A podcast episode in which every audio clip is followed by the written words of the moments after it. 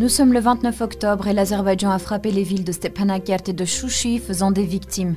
Le comité international de la Croix-Rouge tire la sonnette d'alarme. L'armée de défense de l'Artsar a publié 50 nouveaux noms de soldats tombés au combat. Le nombre total de morts depuis le début des hostilités le 27 septembre s'élève à 1116. La ville de Chouchi a été bombardée le 28 et le 29 octobre par une volée d'obus provenant d'un lance-roquette de type Smerch. Selon la porte-parole du ministère arménien de la Défense, Shushan Stepanian, il y a eu un mort et deux blessés parmi la population civile. Un autre coup de la même artillerie a été lancé sur la capitale Stepanakert. Le 28 octobre, les forces armées azerbaïdjanaises ont frappé plus de 15 fois en direction de Stepanakert et dans différentes parties de la ville de Chouchi, ciblant délibérément des établissements résidentiels et publics et un centre de maternité. Un drone de frappe Bayraktar fourni par la Turquie a été récemment détruit par les forces de défense aérienne. Le défenseur des droits de l'homme de la République de l'Artsakh, Artak Beglarian, a déclaré que ces nouveaux crimes sont la conséquence de la non-réactivité de la communauté internationale lors des attaques antérieures.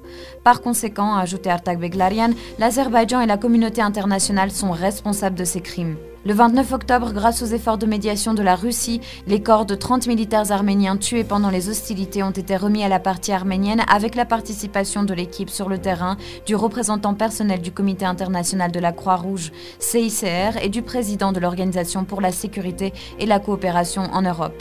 Dans le même temps, un civil arménien été renvoyé en Arménie par l'intermédiaire du CICR. À son tour, la partie arménienne, dans le respect de l'accord de cessez-le-feu humanitaire, a déclaré une fois de plus prête à remettre les corps des militaires azerbaïdjanais sur le territoire de l'Artsar à l'Azerbaïdjan. Selon Martin Choup, directeur régional pour l'Eurasie au Comité international de la Croix-Rouge, le CICR ainsi que des milliers de civils ont été témoins aujourd'hui de bombardements massifs des deux côtés de la ligne de front qui ont fait des morts et des blessés. Le CICR ajoute qu'un des volontaires de la Société du Croissant Rouge d'Azerbaïdjan a été tué durant une attaque le 29 octobre. Deux autres volontaires ont été blessés. Les développements récents montrent que le conflit du Karabakh risque de devenir incontrôlable.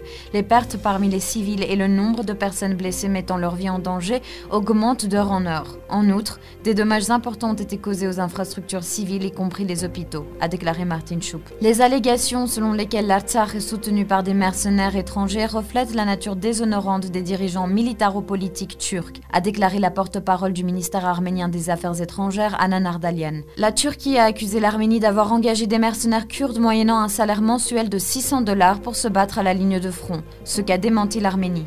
Depuis le début de la guerre, le 27 septembre, plusieurs médias et des pays tels que la France et la Russie ont officiellement confirmé la présence de mercenaires syriens terroristes ayant transité par la Turquie pour se battre aux côtés des soldats azerbaïdjanais.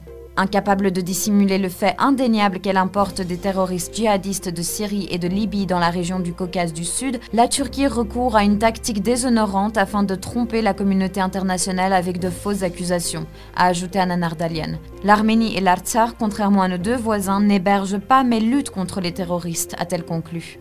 Selon le représentant du ministère arménien de la Défense Artun Hovhannisyan, durant toute la journée du 28 octobre, les forces armées azerbaïdjanaises ainsi que les groupes terroristes ont poursuivi leurs opérations offensives en direction des unités situées le long de la frontière de la République d'Arménie, ainsi que dans les directions sud et nord de l'Artsar. Nous avons réussi à améliorer nos positions dans certaines zones, a souligné Hovhannisyan, ajoutant que l'adversaire avait mené des actions à petite échelle en direction de Berzor, la zone de connexion entre l'Arménie et l'Artsar, mais sans succès. Selon Hovhannisyan, le contrôle de certaines parties sous le joug de l'Azerbaïdjan a été remis à des groupes terroristes. Le ministre russe des Affaires étrangères Sergei Lavrov et son homologue français Jean-Yves Le Drian ont discuté de la situation au Haut-Karabakh et ont déclaré être gravement préoccupés par le non-respect du cessez-le-feu en cours. Au cours de la conversation, les ministres ont appelé les parties en conflit à conclure un cessez-le-feu complet et apaiser les tensions, indique un communiqué conjoint. Les parties ont souligné que seule une solution diplomatique au problème est envisageable.